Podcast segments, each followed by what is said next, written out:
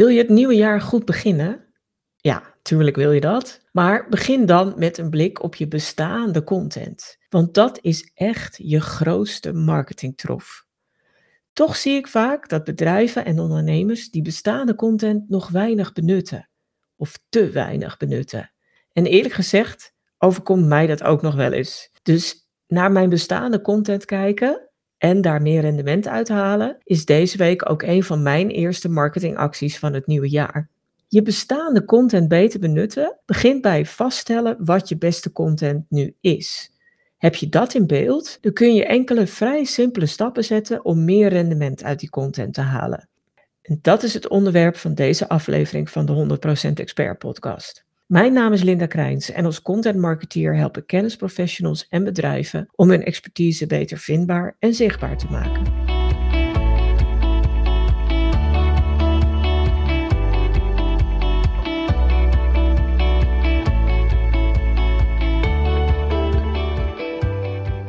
Hoe kun je dan het beste je best presterende content in kaart brengen? Ja, wat je beste content is, is natuurlijk voor iedereen anders. Want jij hebt je eigen doelen en je eigen KPI's die voor jou belangrijk zijn. Dus het is altijd goed om je doelen van vorig jaar nog eens bij te pakken. En te kijken hoe dat gegaan is. Want doelen vaststellen is één ding, maar ze gaandeweg in de gaten houden en daar je marketing op aanpassen en gaan bijsturen is een tweede.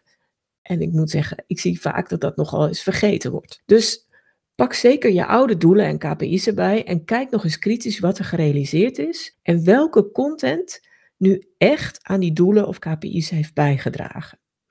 Welke pagina's op je website trokken bezoekers? En hoeveel van die bezoekers deden vervolgens wat jij wilde? Ja, dat kan van alles zijn, of dat nu contact opnemen is, abonneren op je nieuwsbrief of een aankoop doen. Wat deden ze vervolgens? Gingen ze gewoon weer weg? Of deden ze echt iets wat jij probeerde te realiseren. Kijk ook naar je social media kanalen en je berichten. Welke berichten of acties op social media sprongen eruit? Welk kanaal was dat? Kun je daar een bepaald thema uit distilleren? Heb je een nieuwsbrief? Kijk dan ook naar de statistieken van je nieuwsbrief. En kijk dan vooral naar de openings- en klikpercentages. Hoe verliepen die gedurende het jaar? Zat daar een stijgende lijn in of juist niet?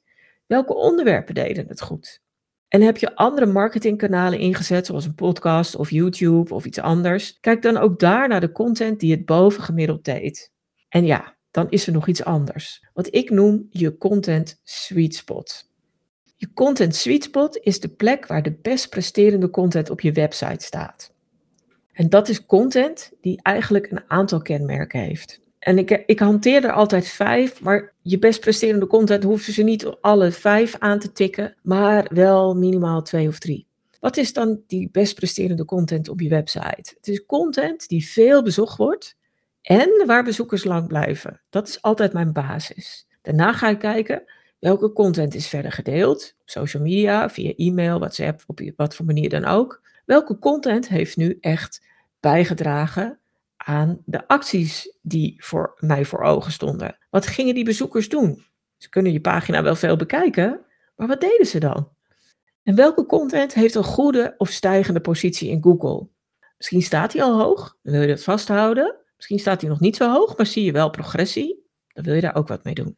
En tenslotte, heel belangrijk voor je omzet uiteindelijk, welke van die veel bezochte en lang bekeken eh, webpagina's of artikelen sluit ook echt aan op je producten of diensten.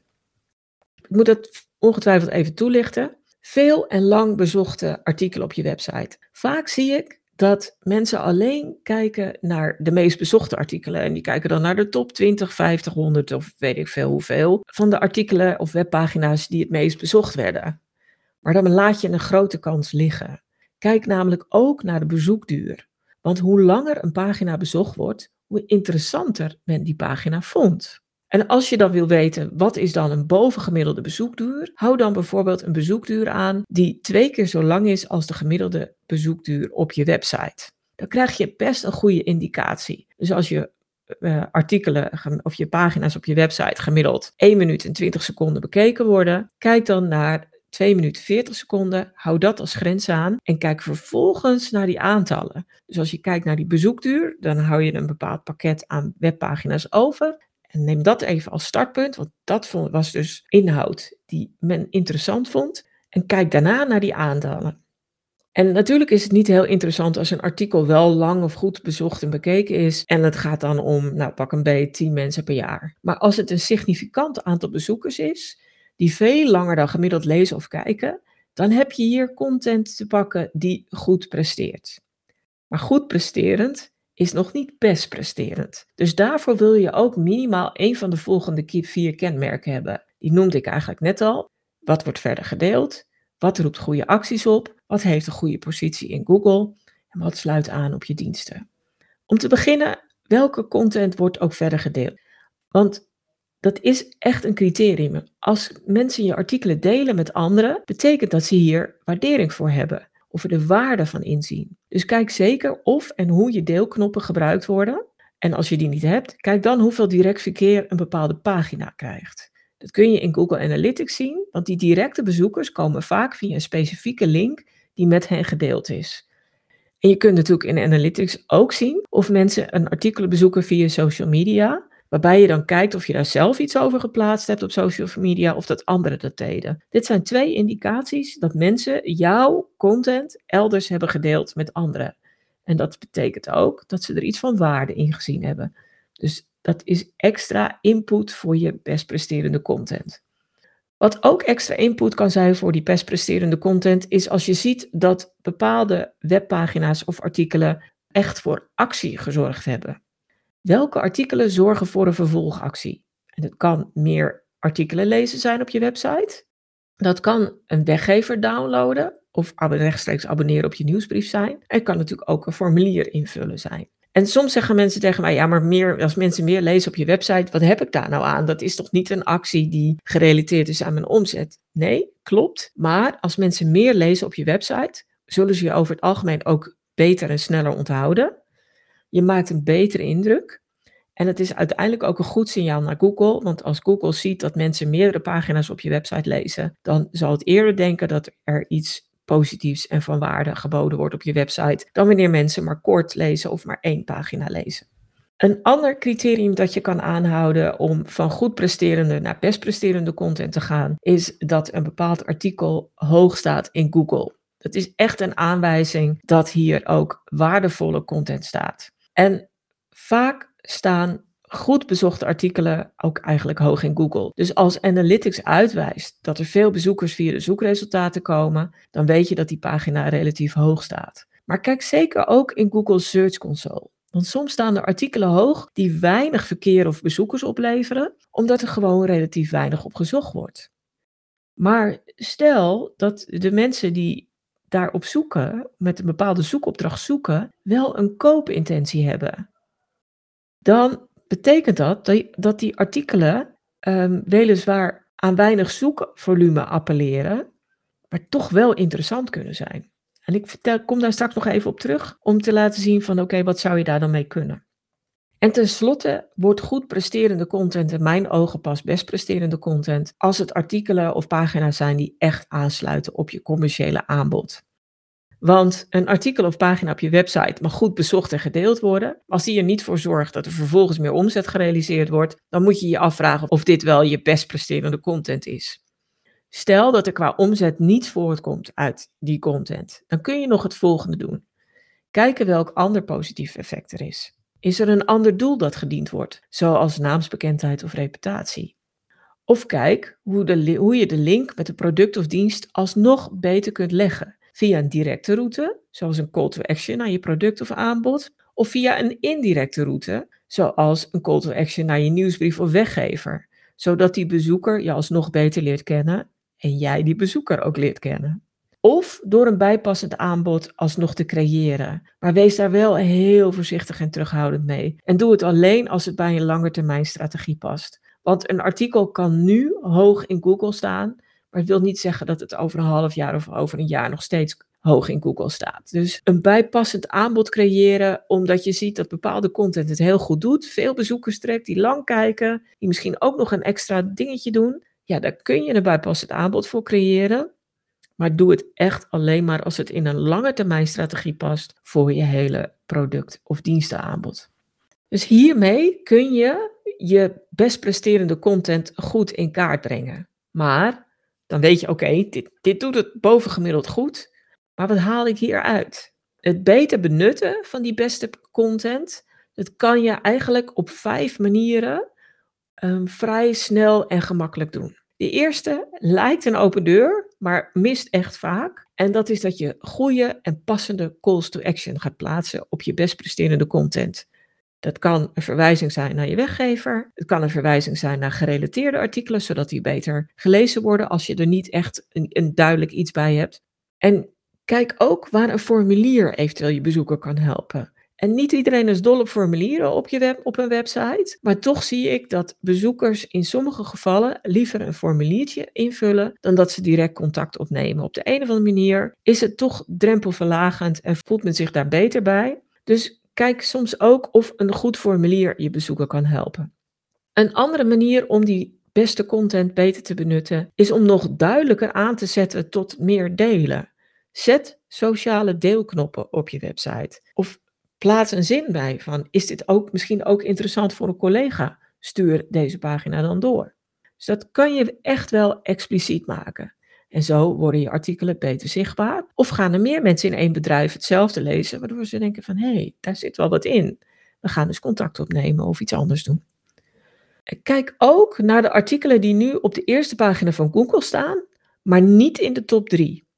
En die kun je verder verbeteren voor een hogere positie, waardoor je meer zichtbaarheid en meer bezoekers realiseert. De eerste stap die je daarvoor moet zetten is door de inhoud te verbeteren. Dat is eigenlijk het allerbelangrijkste. Maar je kunt ook kijken of er veel inkomende links naar die pagina zijn en of je dat kunt laten groeien. En dat kunnen interne links zijn van verwijzende artikelen op je eigen website. En je kunt ook kijken of je externe links kunt realiseren. Wat je ook nog kunt doen, werkt niet altijd, maar het kost je ook heel weinig moeite, is om te kijken naar de meta-description. Want die moet uiteindelijk mensen verleiden tot meer kliks. En nou weet ik dat Google lang niet altijd jouw meta-description die jij invoert echt overneemt. Maar ik zie dat het toch nog in 30 tot 50 procent van de gevallen wel gebeurt. Dus kijk goed naar die meta-description. Vertelt die echt goed wat hier te halen valt nodig die ook uit tot lezen en tot klikken in die zoekresultaten. Dan kun je, als mensen meer klikken, kun je ook stijgen in de zoekresultaten. De vierde manier om meer uit je beste content te halen is om toch nog even naar die artikelen te kijken die weinig zoekvolume hebben, dus die niet per se uit je analytics naar voren kwamen, maar die wel hoog in Google staan en waarvan je ook ziet dat ze lang gelezen worden. Dus dan moest je naar Google Search Console om te kijken welke artikelen dat eventueel zijn. En kijk dan ook of daar een koopintentie in zit. Is dat zo? Zorg dan dat dit artikel nog beter inspeelt op die koopintentie. Kun je naar je call to action kijken, maar je kunt ook denken aan letterlijke verwijzingen naar je product in de tekst of een illustratie waarbij je ernaar verwijst. Maar je kunt ook denken aan het toevoegen van sociaal bewijs, zoals reviews of testimonials, op die pagina, zodat mensen nog meer overtuigd worden van hé, hey, dit is een goede plek om dit product of deze dienst te kopen. En de vijfde actie die je kunt nemen, en die is van belang voor je content planning voor 2023, is kijken of je voldoende gerelateerde content hebt of dat het loont om aanvullende artikelen over dit onderwerp te maken. Als er veel interesse is in een bepaald onderwerp en men leest dit uitgebreid, dan is dat echt een aanwijzing dat er behoefte is aan meer.